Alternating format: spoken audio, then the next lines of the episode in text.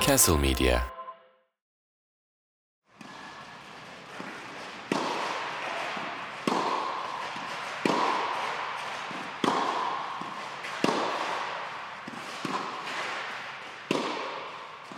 Tatile girdik gibi bir his oldu sanki değil mi? Podcast olarak mı? Tenis dünyası Tenis olarak. dünyası olarak ama işte yani bir yorulduk tenis spor dünyası olarak genel olarak yorulduk bence çünkü böyle bir giriş en azından ben yapayım. Bir takım önemli şeyler oldu sadece teniste de değil. Bir tanesi e, bunlardan işte NBA her sene sene sonunda finalleri oluyor. Onu 46 senedir NBA'ye girdiğinden beri hiç kazanamayan ve ağzıyla kuş tutsa da çok bir şekilde asıl boyalı basının en çok ilgilendiği bir takım olmayan bir takım oldu. Ondan sonra ve böyle görece çok sadeydi yani her şeyi. Sonra Le Mans yarışları Fransa'daki 100. senesiydi bu sene. 100 senedir düzenlenen ve çok önemli bir araba yarışı. Başka başka sebeplerden o kültür için. Onu da Ferrari 50 sene sonra katılıp ilk defa bir araba yapıp ilk defa yeni açıdan bir kategoride kazandı. O da çok beklenmiyordu. Ama hani bir sanki hani yılların sonuçta Ferrari'nin de Le Mans'da çok önemli bir geçmişi var. Ve burada da Roland Garros'ta da Djokovic 23. Grand Slam'ini alarak o üçlü arasındaki en çok Grand Slam kazanan ve e, teniste de Serena Williams'la aynı Grand Slam sayısına ulaştı. O da çok e, uzun süredir aslında devam eden bir muhabbetin o cümlenin ya da o hikayenin noktası bu Roland Garros'ta konmuş oldu bir nevi. Dolayısıyla böyle bir spor açısından, tenis açısından yorucuydu. O yüzden biraz e, bunları konuştuktan sonra herkes bir dinlenip çim kortta sanki öyle bir daha piknik havasına uygun gibi böyle bir giriş yapayım. Aynen öyle oluyor evet.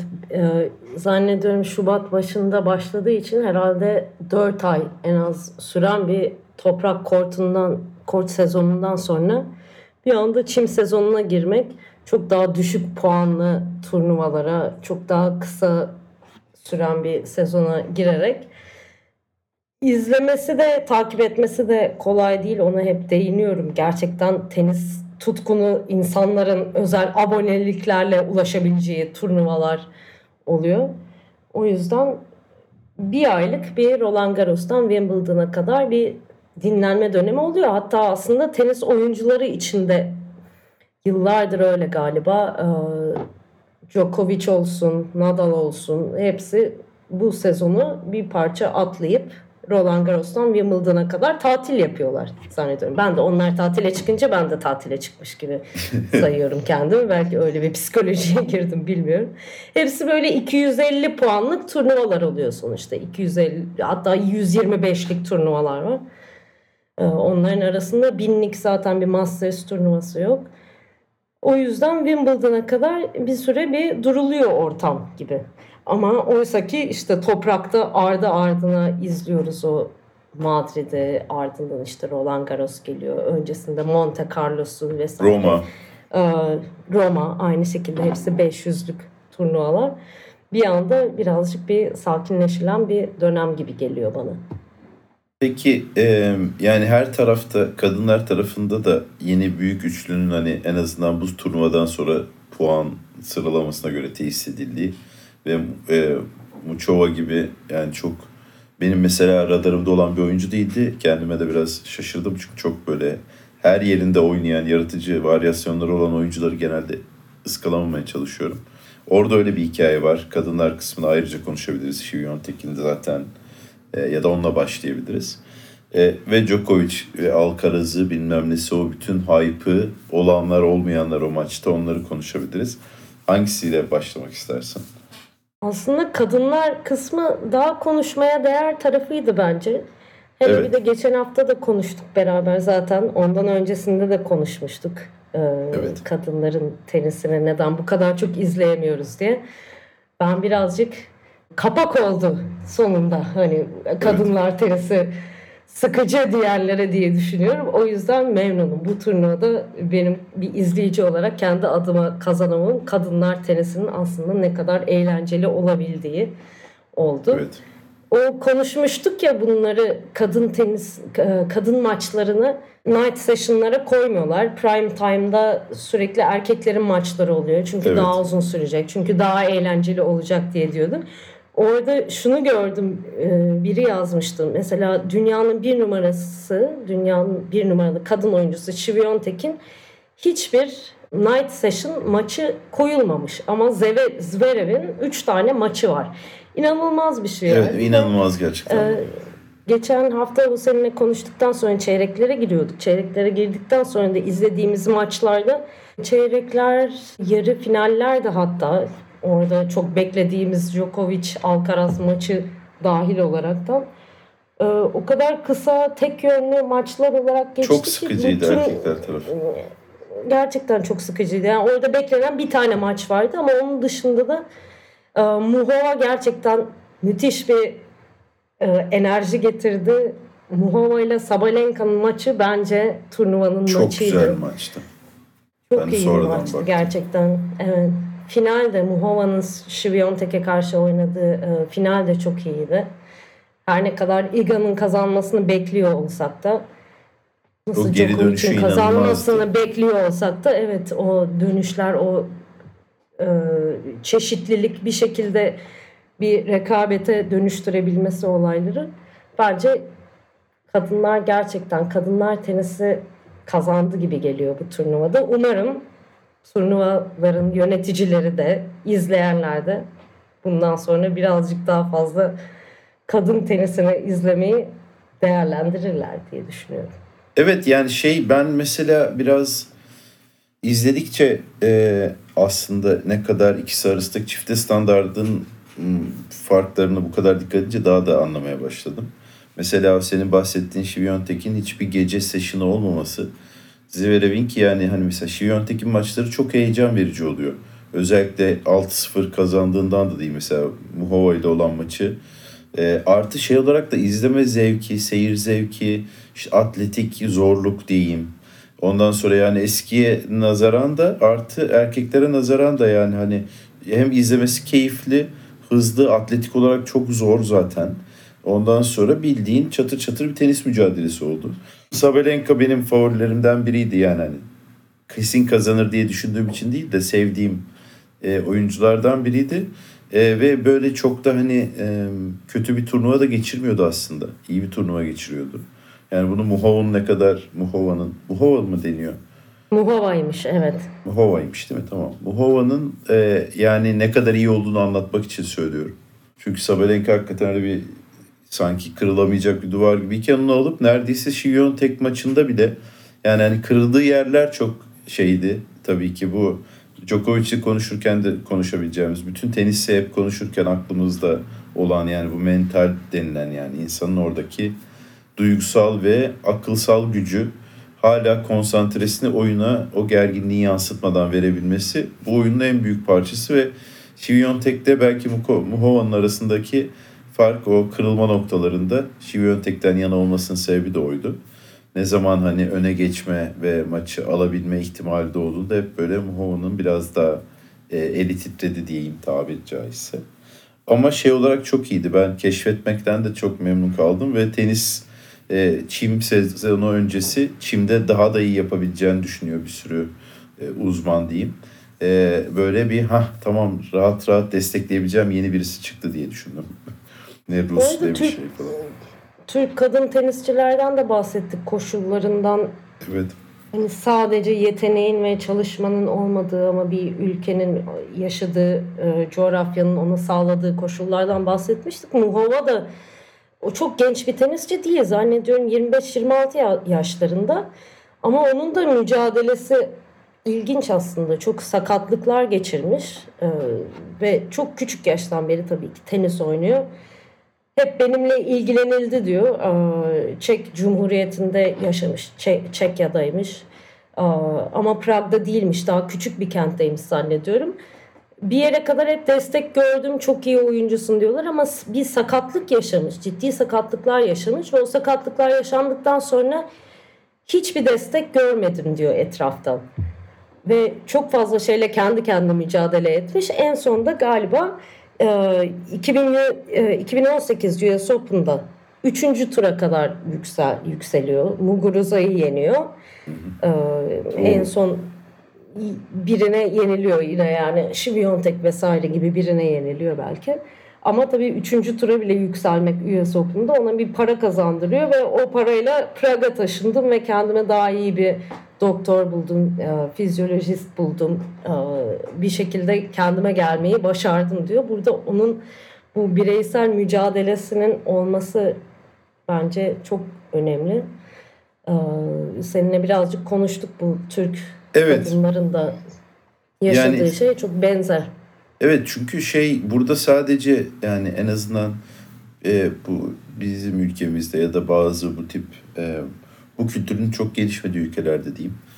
Ondan sonra böyle bir sıkıntı oluyor sanki hani bireysel biz genelde özellikle yırtma hikayelerini bu da bireysel bir spor sanki e, hani Rocky gibi birini destekleyerek olabilirmiş gibi hissediyor ama bunun nasıl bir e, aslında bir süreç olduğunu e, bu insanların ne kadar çok tenis oynayan arasından çıktığını ve e, kendi seviyelerine geldiklerinde de her zaman belki e, kendi seviyelerinde başka insanlarla da e, buluşabildikleri bir ortamda olması çok önemli. Yani bizim e, ümit vadeden tenisçilerimizde bile yaklaşımın genellikle hep böyle işte e, buna sahip çıkalım gibi olduğunu genel olarak halbuki bir tenis okulu açalım da 10 tane daha bu çocuktan olsun bunu e, ihtiyaç olduğunda çünkü o arkadaşların yanına yollamak diye bir şey aslında söz konusu oluyor.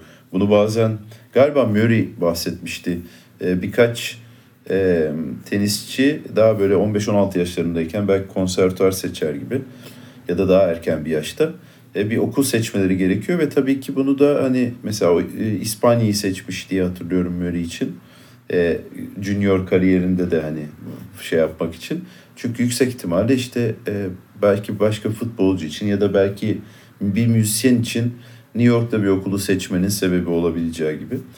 Ama yani bu e, bireysel kısmı e, hani hem gerçekten böyle bir bu konuya bir ilgi olması, bu konuyla alakalı bir sürü şey olması lazım. Bu neredeyse toprak gibi lazım dediğimiz şey. Yani sıfır seviyesi.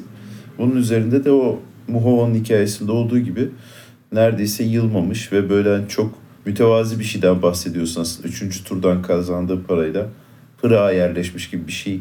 Hani çok herkese e, herkesin iletişim kurabileceği bir hikaye ya bu. Çanakkale'den hani İstanbul'a yerleşen birinin bile. Evet.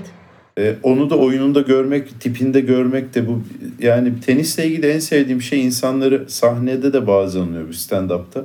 Şeffaflaştırıyor neredeyse ve biz onun karakterinin gerçek yüzlerini de görüyormuşuz gibi oluyor bir şeye verdiği tepkiden.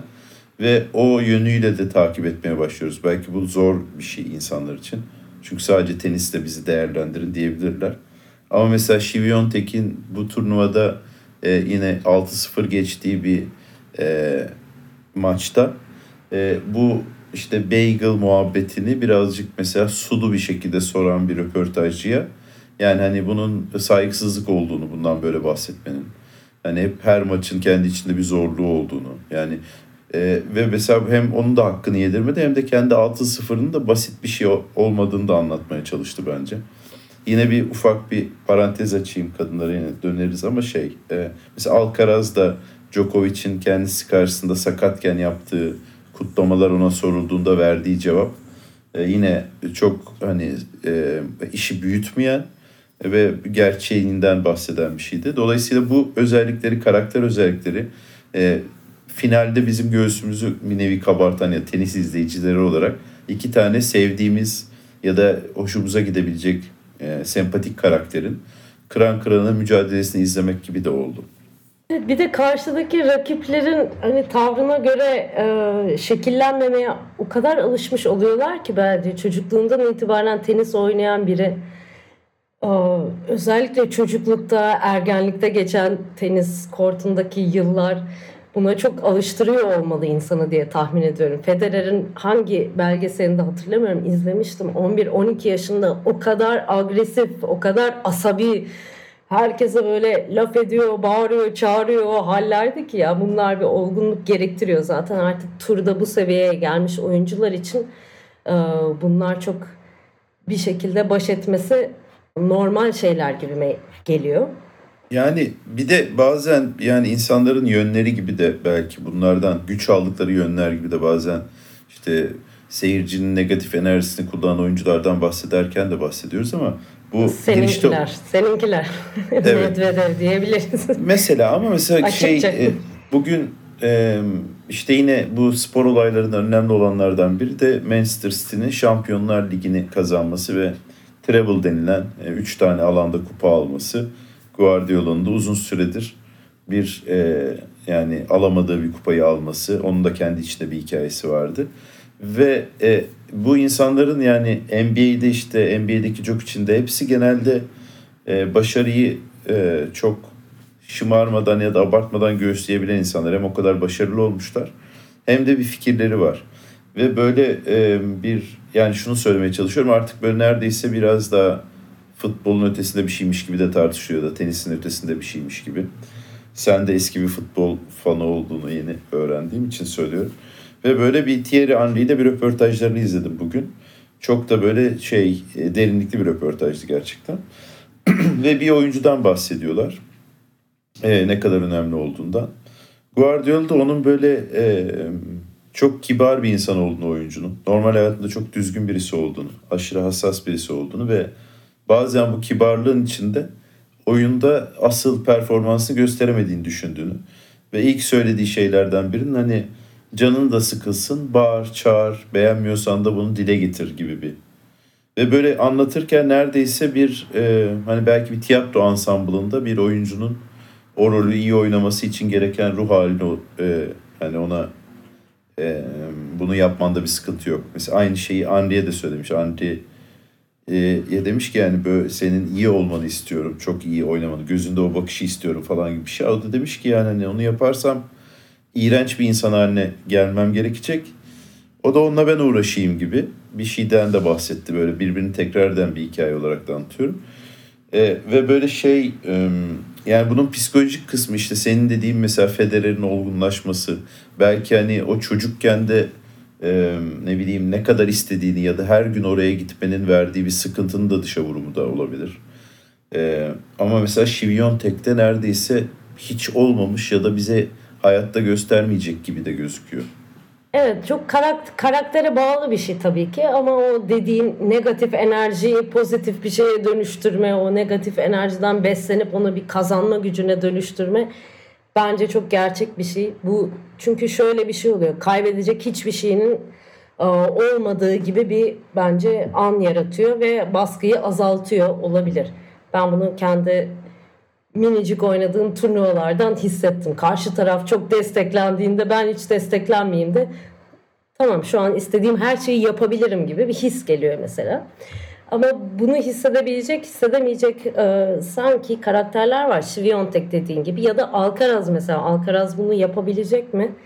Ve bu turnuvada da aslında onun da en iyi, bizim de en iyi gördüğümüz şey kendisi söylüyordu. E, ben zaten iyi tenis oynamaya çıkıyorum. E, kazanmaya ya da kendimi kanıtlamaktan öte seyirciye iyi bir tenis izletmeye çıkıyorum diyordu. Ama bu sonuçta ne kadar sürdürülebilir bir şey. Ee, bir şekilde orada Medvedev'in, Djokovic'in ya da diğer büyük işte o üçlünün sahip olduğu psikoloji bunların ötesinde bir şey gibime geliyor. Çok ötesinde bir şey evet. Yani hani bence Alcaraz'da var kesinlikle. Ama bu sefer bence o da yani oyunun limitlerine ulaşamadan sanki e, ruh halinin limitlerine ulaştı gibi oldu. Evet onu gör bence iyi bir ders çıkaracak. Zaten kendisi söylemiş. Ben kendim maçı izlerken dev bir hayal kırıklığı yaşadım. Zaten bütün maçı izleyenler, bekleyenler için bence hayal kırıklığı oldu. Bir bir giden setlerden sonra 5 sete gidecek bir Djokovic Alcaraz maçı izleyeceğiz diye beklerken bir anda bir kramp girdi. Ee, dediler ki çok gerildiği için dediler. Ben yok ya bunlar hani her zaman olabilir falan gibi kendimi belki avutmaya çalıştım ama Alcaraz kendisi çıkıp o kadar büyük bir tansiyon yaşadım ki e, o yüzden yaşadım bunu demiş. Evet en Üstüne başından de... beri gerildim dedi. Yani ilk oyunda koluma evet. kramp girdi aslında dedi. ve bütün vücuduma kramp giriyor dedi. Ve aslında hani Djokovic'in belki de e, yani hani en başından beri oynay oynadığı bir açı olduğunu hissettirdi bana bu söyledikleri. O yüzden işte Evet, belki daha- hani e, yani tenisi çok sevmek ve onun hani güzelliklerini saçmak etrafa dışında Djokovic'i zaten hep en başından beri biraz daha e, diğerlerine göre daha karanlık bir figürmüş gibi hissettiren şey bu adam kazanmaya çalışıyor maksimum denediği şey oymuş gibi hep hissettirirdi hani Nadal'ın ve Federer'in yanında. E, biraz daha onun da yani e, kendini sürekli bir ispat etme çabası gibi na sahipmiş gibi ya Djokovic'in durumu da çok garip. Yani ağzıyla kuş tutsa da hep Federer deni, dendiği, Nadal dendiği ve deneyeceği gibi bir his vardı. E, o yüzden bu sefer sanki biraz Djokovic'in de ne yapmaya çalıştığını biz o maçta anladık gibi hissediyorum. Çünkü öyle bir eşleşmeydi ki Mike Tyson mesela e, izledi maçı. E, Mike Tyson bir çok işte knockout artisti denilen bir boksör e, hani ve yüzleşmelerin hani bu boksta da çok olduğu ama belki benzer bir agresyonun bu sefer birbirine vurmadan arada bir file olarak ama neredeyse benzer bir mücadelenin olduğu bir spor. Onun özellikle o maçı seçmesi diğer maçlarda gözükmemesinden de yani altını ekstra çizmek istedim. Ve başladığı andan itibaren gerçekten iki titanın birbirine yani de inanılmaz hepimizin ağzını sulandıran bütün hayallerimizde olan maç olarak başladı. Ve böyle kimin de e, kimin daha üstte olduğunu da anlamak zordu. Sanki iki tarafta iyiymiş. Hatta Djokovic daha zorlanıyormuş gibiydi. Ama sonra şeyi düşündürdü bana yani. Gerçekten Alcaraz'a hep o ekstra zor hareketi yaptırıp karşısında da belki yıkılmamayı başararak çünkü ilk set gerçekten her oyun bir tane 15 dakika süren oyun var 21 bir tane saçma bir oyun yok mu o maçta Djokovic'in servis atarken? Hiç rakamlarla hiç aram yoktu o Ya bir tane Kim çok uzun bir oyun olduğunu hatırlıyorum. servis savunmasının ve böyle e, yani bütün maç öyle gitse biz Djokovic herhalde bu tempoyu sürdüremez bu yaşta diye düşünüyorum. Çünkü hiçbir iki spor dalında ne bileyim 36 yaşında bir o sporu yapanla 19 yaşında yapanı 5 saat karşı karşıya getirmiyor hiçbir spor dalı birebir. Yani boksta bile yok. Sürenin bir limiti var. Dolayısıyla ama anlaşıldı ki aslında orada e, belki de Alcaraz'ı kendi yetenekleri içinde iyice zorlayıp e, belki de öyle bir yola gitmiş diye düşündüm ben açıkçası. Ona biraz baştan daha ilk korta çıkarken gülümseyişlerinden birazcık maçın gidişatı sezdirdi kendime gibi geliyor yani. Djokovic öyle bir güvenle çıktı ki ve onun böyle bir pis pis sırıtışı var. Hani Evet. buradayız geldik işte yapacağız yine ne yapmak gerekiyorsa falan şeyi. Yani o maçın içinde seyirciyle kavga ediyor, hakemle kavga ediyor ama kazanıyor, kaybediyor. Maçın başında sonunda yine o böyle hani o pis bir böyle bir gülümsemesiyle o bulunduğu konumu bir şekilde e, hak ediyor. Zaten orada bir Alcaraz'ın çıkışından belliydi. Sonra ilk sette koça bir söylenmeleri oldu. Daha Evet. önce ben gerçekten Alcaraz maçlarını çok takip ediyorum. Hiç Böyle bir şey görmedim. daha önce görmedim. Evet. Ee, hani ne dedi 5 puanlıktan daha fazla oyun oynanmıyor şu anda. Evet. Ben ne yapabilirim gibi böyle bir bağırarak sinirini yansıtması. Ama güzel oldu. Onun için iyi bir tecrübe oldu. Bundan sonrası için yine şu anda beklediğimiz şey yine bir bir başka Alcaraz ve Djokovic maçı olacak galiba. Wimbledon'da ne olur bilemiyorum ama US Open için birazcık daha heyecanlı bir kapışma olabilir gibi geliyor. Ee, sonrasında da zaten demiştik o maçın kazananı turnuvayı kazanacak diye. Nitekim öyle oldu. Ruud bence iyiydi. Ruud'u izlemekten ilk kez keyif aldım. Bana çok sıkıcı bir oyun oynuyor gibi geliyordu. Bu sefer ard arda Rooney'i yendi, üstüne Zverev'i yendi. Çok da hani ciddi ve disiplinli oyunla yendi. Ee, birazcık aslında Djokovic'in tarzı bir oyun oynuyordu belki Evet, ama o da kendi adına bir rekor kırmış galiba son 3 tane oynadığı Grand Slam'da da final oynayan bir oyuncu Evet. ve kaybe, kaybeden oyuncu olarak final kaybeden oyuncu rekorunu kırmış. Duruyor. Evet ve yani Nadal şey Nadal Djokovic Alcaraz değil mi oynadı finaller? Evet zaten kendisi de öyle bir şey söylemiş ya. Daha önceki bütün Grand Slam finallerimi ardı ardına Nadal'la Roland Garros'la başlıyor zaten. Üstüne e, Alcaraz'la US Open bir de Djokovic'le Roland Garros 23.süne koşarken Djokovic hani birazcık daha oynanabilir bir yerde oynarsam belki kazanacağım diyor ama e, bakalım rakamlar galiba benim için en azından çok bir şey ifade etmiyor. Belki birilerinin önüne o spor medyasında düşüyor ve 23.'yü aldı o Grand Slam'i. Yok işte istatistikler Ruud şu kadar oynadı etti diyor ama bu bizim kimin tenisinden ne derece zevk aldığımızı aslında çok fazla bir şey değiştirmiyor. Bu ben birazcık şundan da çok mutluyum. Gold muhabbetinin bittiğine evet. de çok mutluyum. Tamam böyle evet. Gold şeyine sana veriyoruz Djokovic. Tamam böyle devam edelim. Bundan sonraki konuşacağımız şey bu olmasın diye ve bu evet. bütün bu tartışma da tamamen holiganlar tarafından yapılıyor gibime geliyor. Gerçekten Galatasaraylı ve Fenerbahçeliler bir araya gelmiş. Kim God diye tartışıyorlar gibi geliyor. O yüzden bu kısmı geride bırakmaktan açıkçası memnunum. Yani evet bu şey e, bu istatistik ve sporu yeni istatistikler üzerinden konuşma e, mutlaka onun üzerinden bir şey çıkarma bütün sporlara her şeyi sirayet etti belki. Teniste de ben açıkçası bu muhabbet olana kadar kimin kaç sinem kazandığını hiç takip etmemiştim.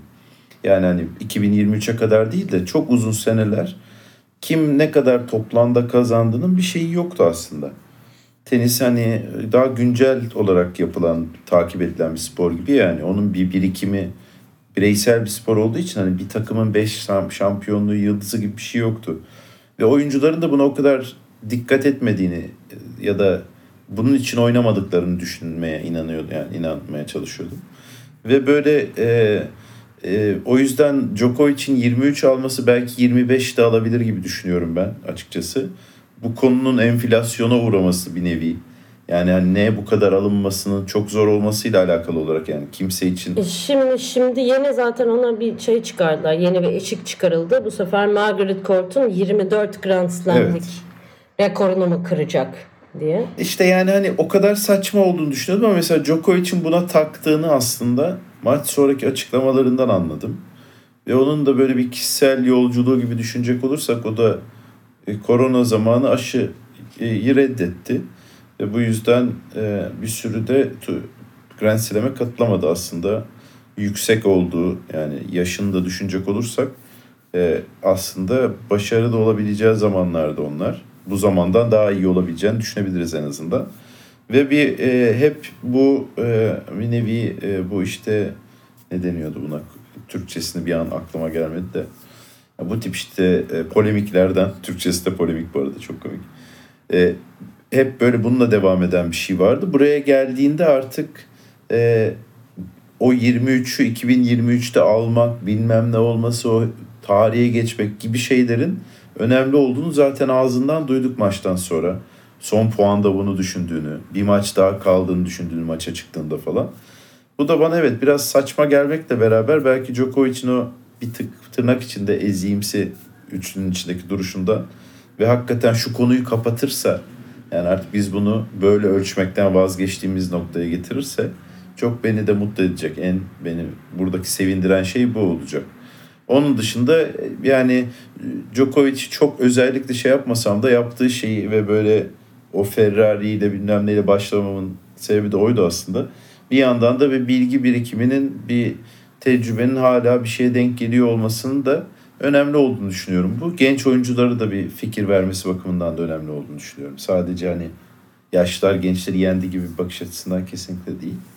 Yok kesinlikle. Bu arada anlamsız değil o rakamlar üzerinden kendi e, kazanmışlığını, kendi üstünlüğünü görmek sporda çok normal. Mesela müzik açısından şimdi mukayese etsem orada kimse kazandığı Grammy'ler üzerinden kıyaslamıyordur herhalde tabii kendine diye düşünüyorum. Ama sporda evet böyle bir şey var. Hele de oyuncuysan tabii ki zaten bunun üzerinden kendini bir yere oturtacaksın. Eminim Nadal da eminim demeyeyim. Gördük zaten Avustralya açığı kazandıktan sonra o 22. slaminde büyük bir kutlama yaptı. Bunlar olacak. Ben şimdi Djokovic taraftarı çok değilim diye artık rakamların önemi yok falan diyemeyeceğim bu kadar rahat. Yok ben de ben Ama- de yani yakıştığını düşünüyorum oynadığı oyunun da bu başarıya ve o statüye yani. Evet, evet. Ama e, belki turnuva başlamadan da demiştim ya ben de Djokovic'ci olmaya başladım yavaş yavaş diye bu üçlünün seviyesini gösterecek diye. Onun kanıtlanmış olmasından çok mutluyum. Bu üçlünün oynadığı seviye buydu. 5 setlik turnuvalar böyle oynanıyor. Ve Alcaraz da umarım bundan öğrenip e, oyununu karşısındaki oyuncuya göre kendi o sırada hissettiği fiziksel, mental hale göre uyarlamayı başarırsa o zaman umarım ilerleyecek ve Djokovic eninde sonunda bir iki sene içinde belki e, buradan ayrıldığında umuyorum ki Alcaraz zaten olacak diye tahmin ediyorum. Karşısına yine o büyük üçlüdeki gibi rakipler çıkacak da aynı zevki alacağız diye ümit ediyorum. Ee, rakamlardan bahsetmişken ben şundan etkilendim. Bu sene aslında en büyük rekoru e, tekerlekli sandalye tenisindeki Didede Groot kırdı. Bilmiyorum Aa, hiç gördün bilmiyorum. mü? Hayır. Onu da tabii ki Şiviyontek'in paylaşımı üzerinden gördüm. Helal Ee, olsun. söylüyorum Şiviyontek'te Ons Jabber'de bunları hep gündeme getiriyorlar. Ee, 17. Grand Slam'ini almış ve e, ard arda 10. Grand Slam'ini alıyormuş. 2020'den beri katıldığı. Grand Slam'lerde. Orada bir Hollanda'daki e, tekerlekli sandalye tenisi zaten bir dominantmış. Ama şu anda bambaşka bir eşik açılmış ve bence bunların da takdir edilmesi gerekiyor gibime geliyor. Zaten rakamlarsa konuşulacak. E, Evet. Birçok farklı alanda rakamlar var sanki. Evet bir de bu şeyde e, şimdi mesela hmm, kadınlara tekrar dönmek istedim. Çünkü bir yandan da şey çok iyiydi. E, yani hani çeyrek ve yarı finalleri de çok iyiydi. E, ve bir, bir de mesela bazı e, şimdi bu bu sene kazanılan puanlarla bir de sene sonunda yapılan finallere bir yarış var ya ilk 8'i katıldı. Yani hani biz biliyoruz da belki izleyen dinleyen herkes bilmiyordur. Ondan sonra mesela oradan bir takım işte Muhova gibi bazı isimler de e, sene sonundaki finallerde olabileceklerinin müjdelerini verdiler. Bu sene alınan pide- e, puanlarda çok ciddi yükselişler yaşayan birkaç oyuncu var. E, o yüzden mesela buradan yine güzel, doygun bir turnuva olmasının sebebi yarım yamalak da olsa Alcaraz Djokovic maçı. Kadınlar kısmının bu kadar güzel e, gelişmesi e, bir sürü sevdiğimiz yeni ve hani tip güzel de böyle bir oyuncu havuzu da var belki ilk onun için. E, yani ilk ona giremeyenlerde bile bayağı var. Bir sürü pozitif şeyle bitti aslında bazı. E, ve böyle ben de çime bir an önce geçmek istiyordum zaten artık ufaktan. Belki o Stuttgart'ları, halleri falan konuşabileceğimiz bir daha relax, belki biraz daha geniş alabileceğimiz bir noktaya geldi. Çünkü takip etmesi gerçekten zor ya. Evet o kadar hızlı oldu ki Stuttgart başladı bile. Hatta Evet dün başladı. Aa, Andy Murray e, bir çim kort turnuvasında kupa kazanan en yaşlı erkek olduğu gibi bir rekor geldi. Evet. Hangi turnuva ne oluyor diye. Çok Ya ufak bir kupası vardı onu gördüm. Yani o kadar ufak bir kupası vardı ki yani turnuvanın şeyini sorgulamama bile gerek kalmadı hani. İşte 100 puanlık mı? Challenger turnu event mi falan yani gerçekten kupanın boyundan anlaşılıyordu. Bence kupaları ufak yapabilirler. Iga'nın sahnesini gördüm. Çok komikti. Ve bırak yerde kalsın hareketi, drop to mic hareketi gibi. Orası çok iyiydi benim için. Aynen. Niye niye bir kupaya kapak yapılır yani zaten öyle Evet. Iga'da değil sorumlusu gibi o Iga'nın kapakçıya düşürmesi bence çok iyiydi. Çok seviyorum kendisini. Geçen sefer konuşamadım. Bir önceki Madrid turnuvasında da e, telefonu çalmıştı. evet. Seyircilerden kimin telefonu çalıyor diye e, sonunda durup kendi tenis raket çantasından telefona çıkmıştı. Çok seviyorum. Onun bu serisini de Grand Slam serisi kadar heyecanla takip ediyorum. Bu sefer ne böyle şapşallık yapacak diye. Kapak muhabbeti çok iyiydi. Bence bütün o anın yani orası biraz da böyle bir e, şey bir an ya hani işte sponsora da teşekkür etmen lazım falan da biraz lame kendi içinde lame'likleri olan bir an. Yani hani öyle bir çok e, beklenmedik dışında bir şey olmuyor. O tam öyle bir olaydı ve böyle onun da hareketi çok hoşuma gitti. Ben de eğlendim o durumla. Evet son olarak o Melisa Ercan'ı izlemeye çalıştık. İzledik de bir Evet. şekilde yakaladık. Kimse duyurmadı, bahsetmedi ama Melisa Ercan'a 3.